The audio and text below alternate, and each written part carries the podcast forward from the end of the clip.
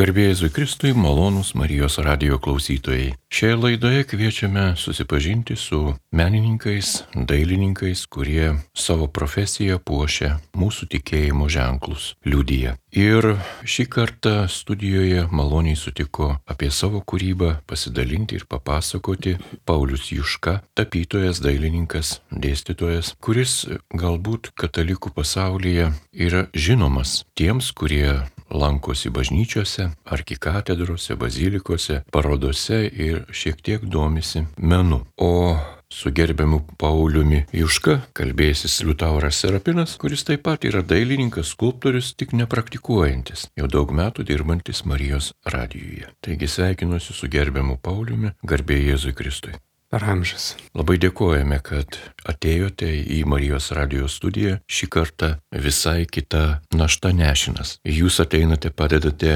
mums melstis, taip pat ir naktinio adoracijų metu, laikote maldos intenciją, su viso pasaulio ir Lietuvos tikinčiaisiais. O dabar, jeigu galime, norėtume išgirsti pasakojimą apie jūsų kasdienybę, apie jūsų gyvenimą ir darbą. Nuo ko galėtume pradėti? Jūs esate Vilniaus dailės akademijos dėstytojas, tapytojas, taip? Taip, dėstau piešimą. Aišku, tam piešime yra ir tapybos elementų, kadangi vis tiek tai yra ne vienerių metų darbas, dirbu su studentais 2, 3, kartais ir 4 metus ir mes ten praeinam daug technikų, kartais priartėjom ir prie tapybos technikų, tapybos, kuri yra daugiau pagrista tikrovės vaizdavimu per tokią daugiau, galima būtų sakyti, realistinę formą. Tai sakyčiau, kad e, tai yra visa ko toks kaip ir mišinys. Ir, ir piešinio, ir tapybos, ir figuratyvo. Visą tai daugiau orientuota būtent į tą tokį, na, įprastai vadinamą realistinį vaizdavimą. Bet, e, aišku, šalia to ieškom viso to interpretacijų, judam toliau, tikrinam tas visas interpretavimo galimybės link stilizacijos, link, sakysim, tam tikrų realizmo e, atmainų paieškų. Tai na, taip gana plačiai žiūrime visą tai kūrybiškai. Jau turbūt nebebūtų galima pavadinti tai vien akademiniu realizmu, turbūt yra daugiau. Yra daugiau.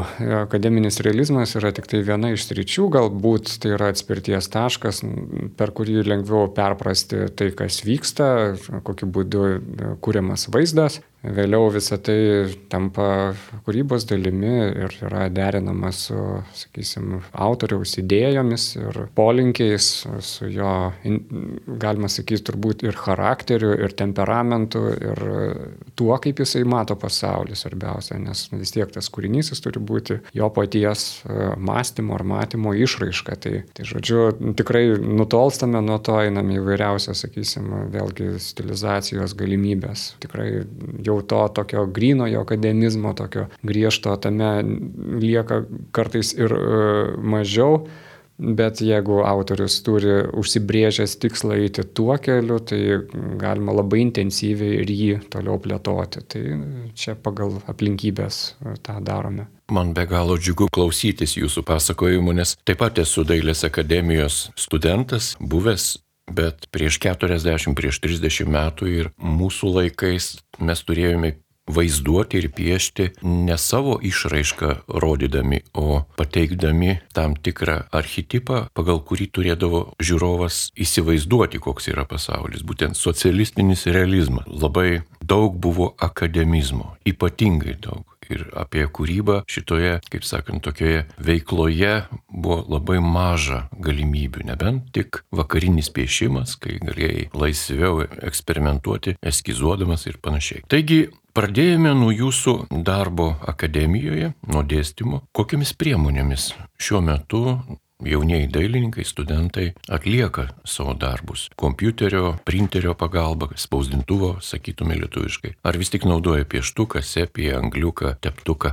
Tikrai naudoja visas tas priemonės, tikrai kaip tik turbūt stiprėja tas supratimas, kad tos natūralios priemonės jos turi daug intimesnį, daug įtaigesnį santyki ir pačiam kūrinyje autoriaus su kūriniu ir žiūrovo su kūriniu, nes tikrai žiūrovas e, žinodamas, kad paveikslas yra atliktas rankomis, e, išgyvena visai kitokį pojūtį. Iš tikrųjų, jis tada gyvai bendrauja būtent su, su autoriaus išraiška. Man atrodo, kad tas supratimas dabar stiprėja ir, ir mes ir toliau dirbam ir, ir pieštukais, ir jų visom rušim, ir, ir stepijom, ir anglim, ir, ir galiausiai tušais, ir, ir alienė tapyba. Ir, ieškom įvairiausių ir formatų ir, ir kuriam tiesiog kartais patį studijinį darbą kaip paveikslą. Tai na, paliekam, paliekam būtent tokį tarsi požiūrį, kuris sužadintų norą ir paties studento sukurti kažką tokio, kas, kas jį patį įkvėptų, kas, kas jam patiktų, kad jis norėtų tą padaryti tas kelias, jis jau kiek aš turiu tos patirties dėstymė, tai tikrai kažkaip pasiteisina. Tikrai yra žmonių, kurie tarsi būna ir priešiškai nusiteikę, bet, bet jeigu pavyksta jiems įsivaizduoti, ką galima būtų pasiekti ir padaryti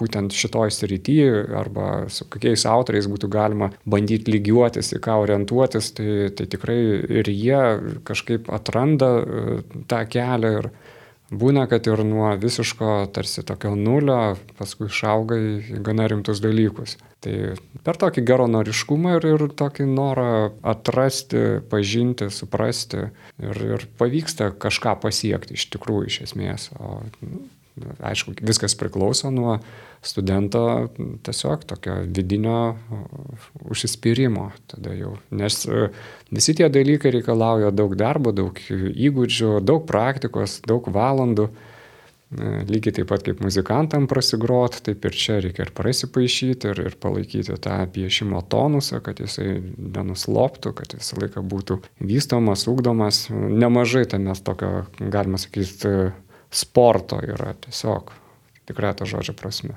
Jūs panaudojate tokį dabartinį terminą sportą, tai, o iš tikrųjų tai yra darbas. Tai yra turbūt darbas. sunkus, monotoniškas darbas, kruopštus, nepaskubėsi šitoje vietoje. Ir kalbame apie realistinį meną ir šiandien studijoje tapytojas, Dailės akademijos dėstytojas, piešėjas, realistas, galima tai būtų sakyti, Paulius Juška. Įkalbino Liutauras Serapinas ir dabar keletą žodžių apie jūsų kūrinius, apie darbus, kadangi ši laida yra Marijos radio formate, tai žinoma, klausytojai gali iš karto užduoti klausimą, koks yra jūsų kūrybinis ryšys su bažnyčia. Tai ar jūs turėjote užsakymų iš katalikų bažnyčios arba kitų religinių bendruomenių, koks jūsų ryšys? Ryšys tikrai yra ir tų užsakymų yra buvę ir, ir nemažai, aš dabar turbūt visų nebesuskaičiuočiau.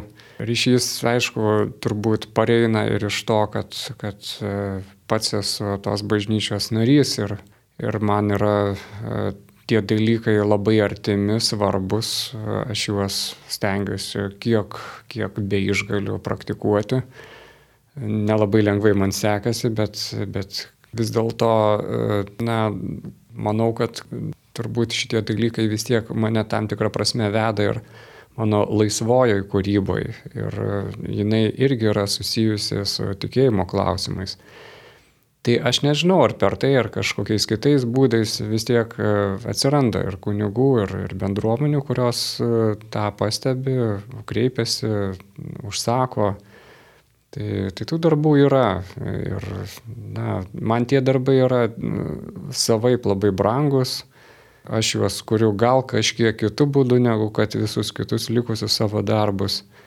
Kitaip šiek tiek juos žiūriu, nes žinau, kad jie yra kuriami ne vien, tarkim, sakysim, plačiajam žiūrovų ratui, bet siauresniai bendruomeniai, kuri iš tikrųjų kuriai rūpi tikėjimas ir kad tai būtų susijęs su tikėjimu jau tikrai to žodžio prasme, su liturgija, su, su tam tikrom praktikom, tai aišku, kad tai yra labai labai specifiška ir tam reikia tam tikro irgi turbūt pasirengimo.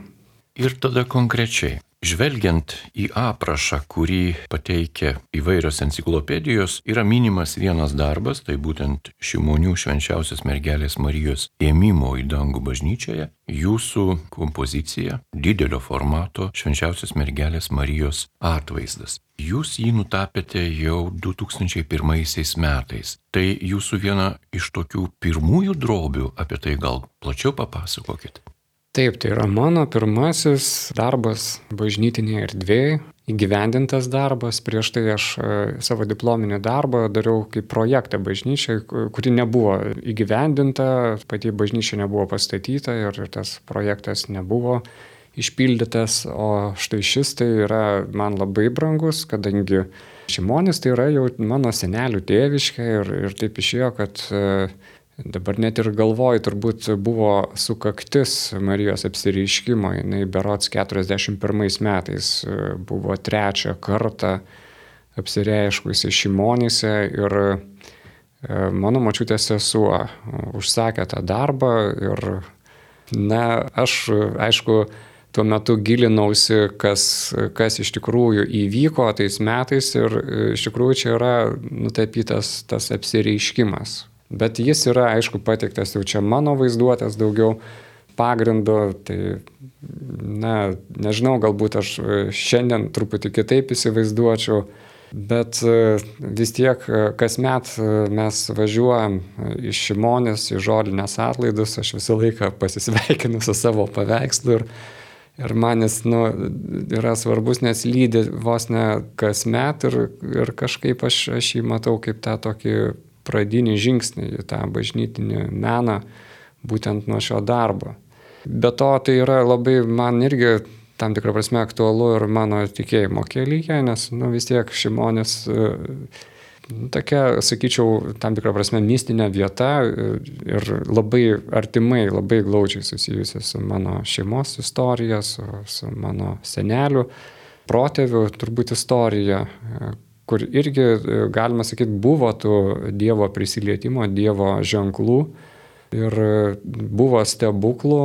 Ir, na, aš taip, nu, tikrai tą darbą tapydamas apie tai visą laiką galvojau, su laiku dar daugiau apie tai sužinojau. Tai, tai man čia tas toksai buvo tarsi irgi nu, tam tikras šuolis į tokį gilesnį santykį ir su tikėjimu tuo metu. Aš kiek atsimenu, tai tikrai.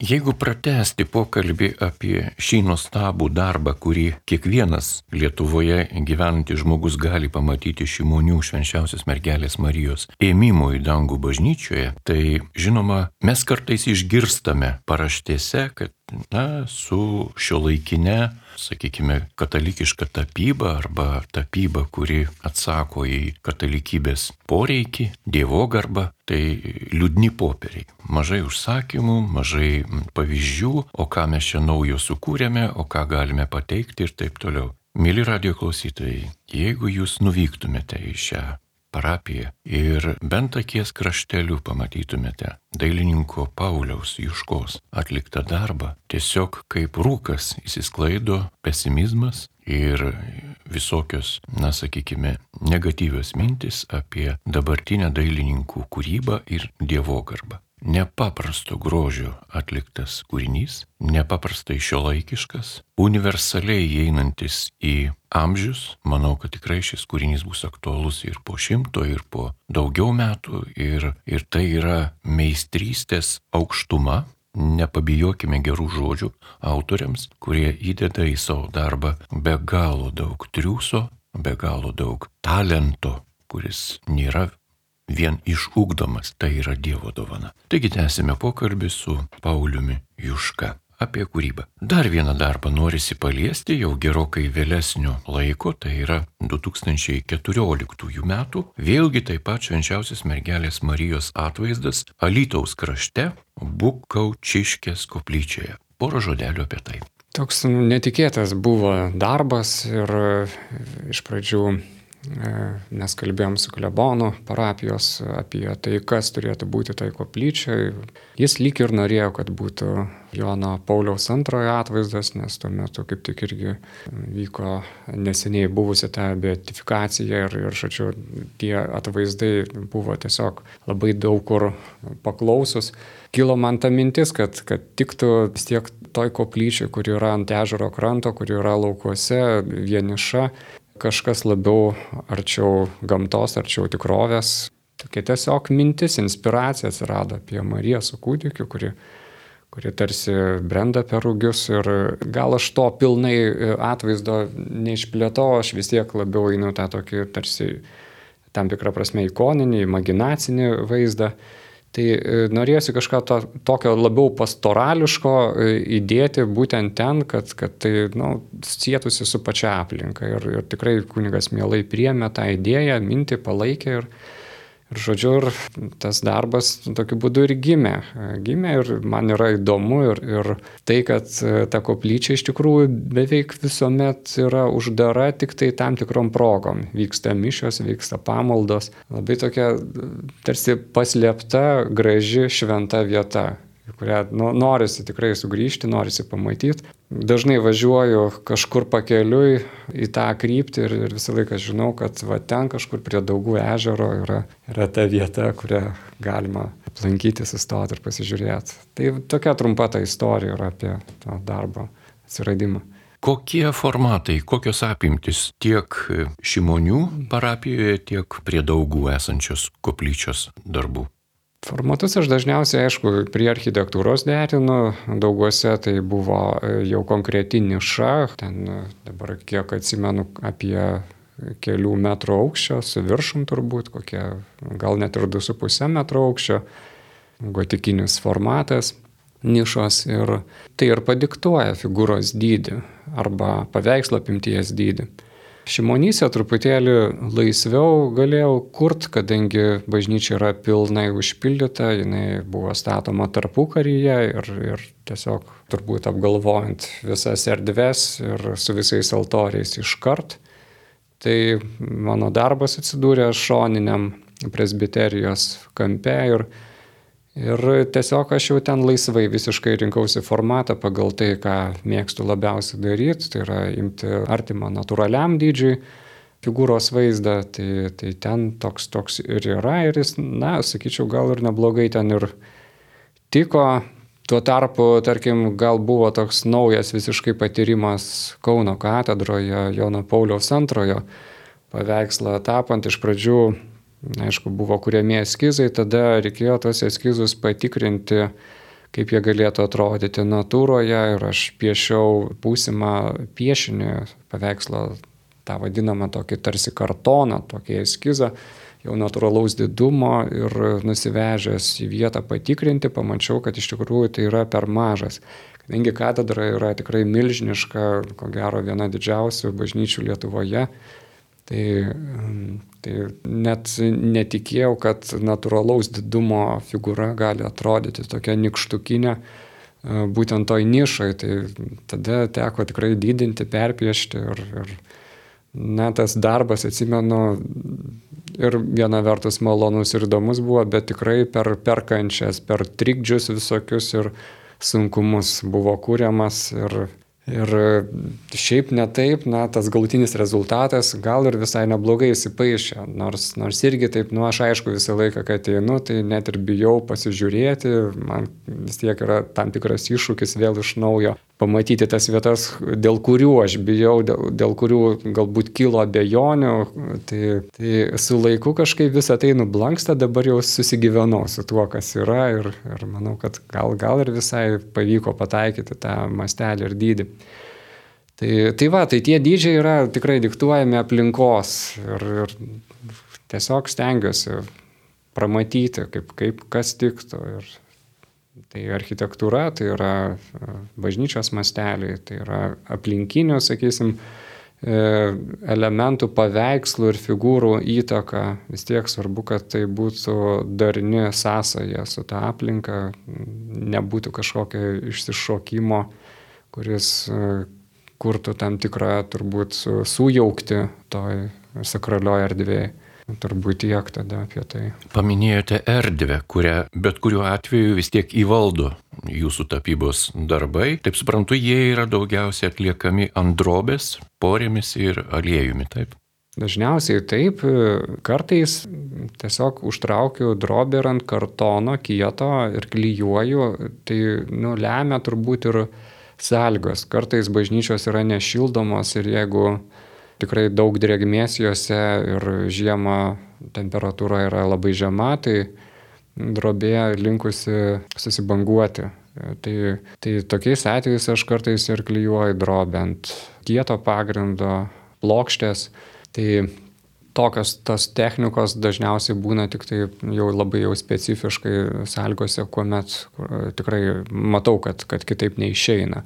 O šiaip aišku yra ta tradicinė technika, tai yra porėmis, drobė, aliejus dažniausiai ir, ir tiek. Dar kalbant apie 2014 metais Kauno arkikatedroje bazilikoje įkomponuotą Šventojo Jono Pauliaus antrojo altorinį darbą, tai aplinkoje irgi taip pat yra kitų paveikslų ir jie yra turbūt įvairių epochų, tai biblinės scenos, kaip su tuo uždaviniu, kad dėrėtų, kad komponuotųsi, kaip jūs tvarkėte.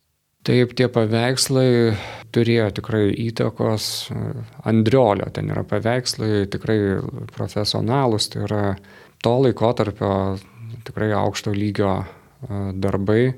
Kažkaip visgi norėjosi, kad bent tam tikrų būdų būtų dermė ir ryšys su jais. Ar, ar per koloritą, ar per formos kūrimą, aš gal kažkiek kitaip. Ir tas ryšys ir tam tikras, nu, vėlgi naujumas, nu, du dalykai vienu metu. Tai be abejo, kad turėjo įtakos. Turėjo įtakos Šiaip tiesiog jis kaip menininkas mane irgi įkvėpė ir inspiravo ir aš, aš tikrai žiūrėjau tuos kūrinius. Norėjosi, kad kažkaip tai, ką jis pradėjo, kad aš pratešiau ir, ir jo neužgoščiau pirmiausia. Tai tas toks žingsnis buvo.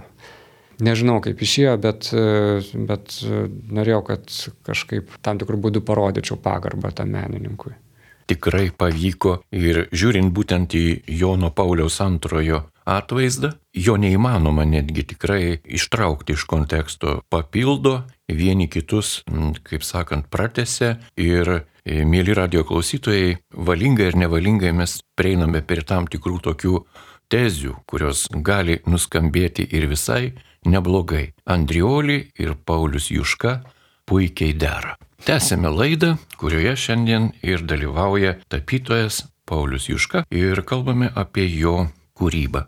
Galėtume turbūt tęsti ir daugiau pokalbio apie bažnytinį meną, apie Dievo garbą, bet e, tausodami laiką gal truputį dar papasakokite jūs ir apie kitas temas, kurias jūs savo gyvenimo ir kūrybos eigoje išnešiojate. Tremtis, skurdas, vargingumas, daiktų objektų e, sakykime, skambesys mūsų gyvenimo kontekste ir ką kita. Galbūt pradėkim nuo tremties.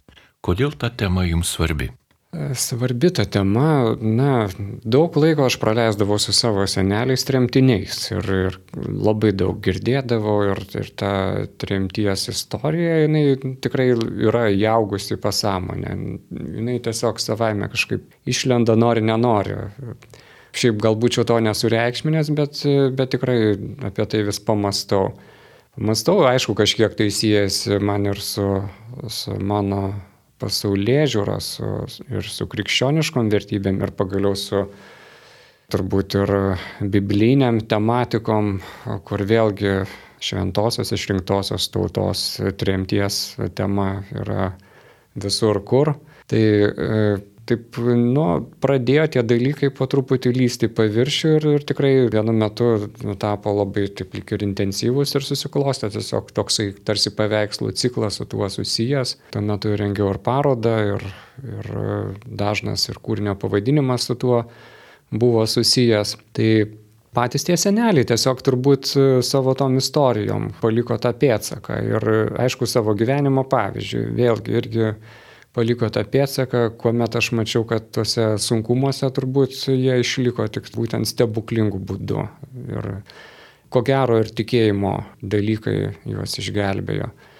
Ir e, čia aš turbūt jau nebe, nebepasakosiu tų istorijų, nes jos gana ilgos ir, ir nėra turbūt ir laiko kada, bet Bet e, tai, kas vyko tuo metu, tam ryšyje su seneliais, tai aišku, yra dar, dar tie anie laikai, tie tarybiniai laikai, mes patys gyvenom tam tikram skurde ir, na, kažkaip pradedi pažinti tą tokį tarsi nu, gyvenimo išbandymo skurdų, tą uh, skurdo uh, paliestą tą šiurkštų paviršių ir matyti tame savotišką grožį ir kažkokį vidinį švitėjimą. Ir man tie visi tokie tarsi pašiaušti paviršiai, jie, jie savaime, e, na, kūrė tam tikras irgi turbūt e, įkvėpimo pilnas mintis ir, ir nuveda į kažkokią, sakysim, kūrybinę plotmę, kur, kur man norisi kažką išreikšti, norisi apie tai kalbėti. Turbūt tai yra nu, vėlgi tam tikrą prasme estetinis santykis, tai yra, tai yra pasaulyje vaizdžio dalis. Gal dėl to aš ir nukrypau tą tokį e, daugiau realistinį pobūdį. Vėlgi, galbūt ten ir tos tokios, nusakysim, patirtis, kuomet mes daug laiko praleisdavom tiesiog sode, arti, arti žemės, arti daržininkystės, arti visokių, sakysim, kaimo elementų, vėlgi ten būties. Na ir, ir tai turbūt, kas, kas paliečia labiausiai vaikystėje, paauglystėje, tai, tai paskui tam tikrų būdų vis, vis išlenda ir, ir kūryboje, net ir po daugelio metų. Tai, tai vat, ta tremties tema, jinai man visą laiką buvo tarsi, tarsi toks mano paties pasaulio suvokimo ir atspirties taškas. Į šią temą įsiveržė viena tokia išskirtinė potėmi, tai tautos kankinio, arkiviskopo Teofilio Matulionio personažas. Keletą žodelių apie darbą, kurį skiriate šiam nuostabiam bažnyčios ganytojui turėjau tikrai laimės e, tapyti tą paveikslą. Aišku, aš e, su Matulionio esu nutapęs dar keletą ar daugiau darbų, bet tai buvo tas pirmasis, vėlgi tuo metu, kai vyko e, beatifikacijos procesas ir kuomet reikėjo sukurti tai progai darbą. Matulionis turbūt savo vėlgi savo gyvenimo istoriją labai priminė man mano senelį. Tiesiog e, kažkas, e, matau, kad bendro, giminiško tiesiog yra tame dvasinė prasme bent jau. E, tremtis išgyvenimai, stebuklingi išlikimai ir, ir, ir tas toksai ėjimas per išbandymus visą gyvenimą. Tai ir tvirtumas, pirmiausia, tvirtumas, nepalūžimas, toks e, laikymasis e, e, sąžinės dalykų, laikymasis to, dėl ko esi pasiryžęs. Tai šitie tie momentai, na, jie irgi savaip turbūt gal persikelia į tą paveikslą. Nežinau, ar pavyko ar ne, bet, bet apie tai maščiau. Pats darbas, na, aš aišku, galvoju apie tai, kas, kas yra Matuljonis, koks jis yra kaip vyskupas, vyskupo, koks šūkis yra, vėlgi, kur jisai buvo. Tai tas vaizdas taip ir gimė, kad tai yra žvaigždžių fonas, kad tai yra tarsi šiaurės dangaus fonas, kad tai yra tremtinio rūbai, kad tai yra žmogus, kuris laikosi, kuris tvirtai stovi, nors ir yra palauštas sunkumų. Tai, Tai per tai norėjosi kažkaip nu, pernešti tą visą mintį ir, ir kad jinai kažkiek iš to paveikslo sklistų. Trumpai tariant, turbūt tiek. Šį paveikslą galima pamatyti, kai Šedorių kurijoje salėje jis eksponuojamas ir Marijos radio darbuotojai vizito pas ekscelenciją metu galėjo pasidžiaugti jūsų kūrybą. Dar viena tema būtų sunaus palaidūno tema, tai biblijinė tema, kuo ji jums yra svarbi ir apie darbą šią temą norėtųsi irgi porą žodžių iš jūsų išgirsti.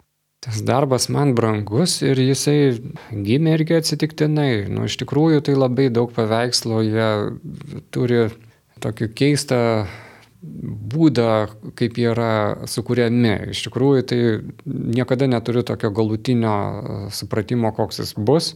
Dažnai atsitiktinai susidėliotas aplinkybės. Ir, ir čia šiuo atveju man tiesiog buvo įdomu tapyti vieną žmogų, jau, jau tokį buvusi mūsų pozuotoje akademijoje. Ir, ir kažkaip šalia to, tuo metu mano sunus dar buvo mažiukas, tai tiesiog norėjusi Norėsiu kažkaip paieškoti tokio paradoksalaus kontrasto tarp vieno ir kito. Ir, ir na, iš to tiesiog savaime atsirado mintis apie sūnų ir, ir mintis apie palaidūną. Ir, ir toks išėjo tarsi kalambūras. Tai man savotiškai įdomu kūryboje kurti tam tikras mislės, tiesiog uždavinėti tuos klausimus tiek savo pačiam, gal kažkiek ir žiūrovui nežinau, kaip, kaip tai pavyksta, bet na, tuo metu va, toks netikėtas ateimas prie e, tos biblinės tematikos per visiškai kažkokį kitokį kampą tokio šio laikinio ar pusiau dabartinio ar, ar kažkokio, nu, sakysim, belaikio atvaizdo požiūrių vėliau ir persikelia į kitus kūrinius. Aš labai dažnai kažkaip, na, bandau, jeigu yra kažkokia biblinė potėmė ar potekstė, tai kad jinai tarsi būtų sudabartinta, gal kažkiek numytinta, nebeskambėtų kaip iliustracija, nebeskambėtų kaip tam tikrą prasme šiais laikais e, tokia nu, įprastam požiūrėje matoma tarsi legenda kokia, bet kad tai būtų būtų tarsi dabar vykstantis veiksmas, kuriame atsikartoja dalykai, kurie buvo užrašyti prieš tūkstančius metų.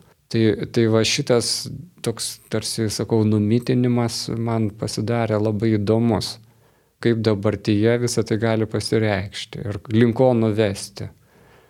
Tai ir, ir man tai yra ir, ir turbūt ir mano paties požiūrio ir, ir tikėjimo dalykų išraiška iš tikrųjų aš nu, patiriu turbūt tokių ir tikėjimo sunkumų, turbūt visi tą patiria ir, ir daug yra tokio ir, ir sakysim, ir, ir skepticizmo, ir, ir nepatiklumo ir, ir, ir taip toliau, ir nėra taip man paprasta tikėti. Ir, Ir aš uždat tokiais būdais kartais permastau savo paties santyki, peržiūriu, kad jis nebūtų vien sentimentalus, kad jis nebūtų toks savęs, kaip čia pasakyti, savytaiga pagristas santykis arba, arba toks, ką žinau, toksai lengvas estetinis kažkoks santykis, bet kad tai būtų nu, truputėlį giliau kabinantis dalykas. Tai, tai vad, na, turbūt prie to paskui ir, ir vedė tas toks bandymas susijęti dabartį su, su bibliniam inspiracijom. Tikrai jūsų darbų negalima būtų pavadinti lengvos estetikos kūriniais savo temomis, taip jūs esate labai universalus, bet forma ir vaizdavimu galima labai daug kur matyti skurdo vaizdų, vienatvės, nuopolio. Ir laidos pabaiga dar viena tema, tai būtent tie pavargėliai, tie, sakykime, nusidėjėliai, kurių atvaizduose galbūt galime ir save atpažinti. Ir vienas iš tokių darbų yra tiesiog chrestomatinis darbas, tai yra Balšazaro puota, nutapytas darbas 2015 metais. Kodėl ėmėtės tokios temos ir ką vaizduojate šiame paveiksle? Tiesiog irgi ta tema atėjo ne iš karto, jinai išsirutuliojo dekomponuojant paveikslą tikrai dažnai būna taip, kad e, aš tiesiog mastau vaizdais, niekad iš anksto nesugalvoju, kaip ten viskas bus įvardinta ir, ir koks siužetas lydės. Daugiau žiūriu tiesiog į tokią ir plastinę geometriją, žiūriu, kaip, kaip figūros tarpusavį kabinasi ir kalbasi. Ir paskui procese pasimato, linko tai viniojasi, paskui aš tai pastiprinu ir, ir kažkaip prie to priartėju. Dažnai tai būna susijęs su tam tikrais galbūt atradimais ar, ar tiesiog tuo, ką aš skaitau tuo metu. Tuo metu kažkaip buvo taip, kad aš, aš skaičiau e, pranašo Danieliaus knygą ir, ir, ir man tas epizodas su ranka, kuri rašo ant sienos, tikrai pasirodė labai, labai neįprastas ir labai provokuojantis, labai įtaigus kažkiek pasidomėjau, paaiškėjo, kad iš tikrųjų pats tas siužetas yra labai populiarus. Iš tikrųjų, jeigu kalbėt apie, sakysim, paveikslus kurtus biblinę tematiką, tai, tai dažnas epizodas. Aš prieš tai to nežinojau, bet nutariau, kad, kad man irgi visai pakeliu yra tai pergalvot, permastyti. Ir tai vėl buvo padaryta tuo pačiu pagrindu turbūt. Taip, tas skurdas turbūt yra silpnumo išraiška ir iš tikrųjų aš, aš kalbu ir apie save, turbūt irgi apie savo silpnumą daugiau dvasinę prasme. Yra tai, kad, kad iš tikrųjų na, laikytis to tikslo, laikytis taip herojiškai, kaip to laikėsi, sakysim, šventieji Na, tikrai labai yra sunkus dalykas. Iš tikrųjų, eiti šituo keliu nėra paprasta. Žmogus visą laiką linkęs ieškoti išlygų, linkęs ieškoti palengvinimų savo. Ir, ir, ir tai yra apie tai, apie žmogaus trapumą, silpnumą ir, ir būtent būties akivaizdoje. Dar vienas darbas į balą. Jį žiūrint, kontempliuojant, mastant tai, kas ten pavaizduota, iškart kyla klausimas, iš kur jūs randate tokius personažus. Jie hiperbolizuoti maksimaliai. Tai pasitaikydavo tuo metu ir, ir pačio akademijoje tikrai na, realių personažų, kurie atrodydavo kaip ne iš šio pasaulio, tikrai groteskiški. Tai, tai aišku, aš, aš pasinaudodavau tom aplinkybėm ir, ir juos įterdavau tuos paveikslus. Tai va, tas paveikslas, tiesą sakant, jis dar man tarsi nėra e, išsipildęs iki galo, aš, aš dar turiu minčių su juo, nors ir praėjo dešimt metų, dar šiek tiek ten kai kas bus pridėta ir galbūt ateityje aš dar jį parodysiu truputėlį vos e, dar labiau paryškinęs tą pačią temą, apie kurią aš ten norėjau pakalbėti. Tai, tai žodžiu, dar pavyzdžiui. Lauksime pasirodant. O dabar laidos pabaigai jūsų parodos ateičiai, kur galima būtų pamatyti, išvysti jūsų daugiau darbų. Kol kas artimiausias turbūt e, projektas tai yra Vilniaus rotušėje spalio mėnesį. Kviečiu labai apsilankyti. Ten ko gero bus darbų iš, iš mano ilgesnio kūrybinio laikotarpio. Tai kas galite, labai kviečiu. Labai dėkojame už tą trumpą laiką, kurį jūs radio formatu pristatėte savo daugiametę kūrybą, kuri be jokios abejonės yra labai aukštai įvertinta ir Lietuvos kultūros darbuotojų, asociacijų ir institucijų. Ir Marijos radijas taip pat prisideda prie pagarbos jūsų darbui ir pasirinkimui, bei padėkos už ištiesėtą savo pažadą kuriejui dalinant talentus. Jūs turite nuostabų talentą ir radio klausytojų vardu labai nuoširdžiai dėkoju Jums. Na, o gerbėmiams radio klausytojams noriu priminti, jog su tapytojo Pauliaus Juškos darbais jūs galėsite ateityje dar susipažinti ir matyti juos daug kur, ne vien sakralioje erdvėje, ne vien bažnyčiose, arkikatedrose, bet ir parodose. Pauliaus tapybai būdinga yra atvira, galima sakyti, atverto nervo tema. Jo darbai nepalieka abejingų ir tų kurie kažką išmano apie dailę, turi supratimą ar, ar išsilavinimą, bet taip pat ir tų, kurie yra toli nuo meno. Jo realistinis vaizdavimo būdas ir priemonės pasirinktos nepalieka abejingų žmonių, pamačius jo kūrybą. Rekomenduočiau aplankyti švenčiausios mergelės Marijos ėmimo į dangų bažnyčią Šimonių parapijoje. Taigi su Pauliumi kalbėjosi Liutauras Serapinas. Likite ir toliau su Marijos radiju.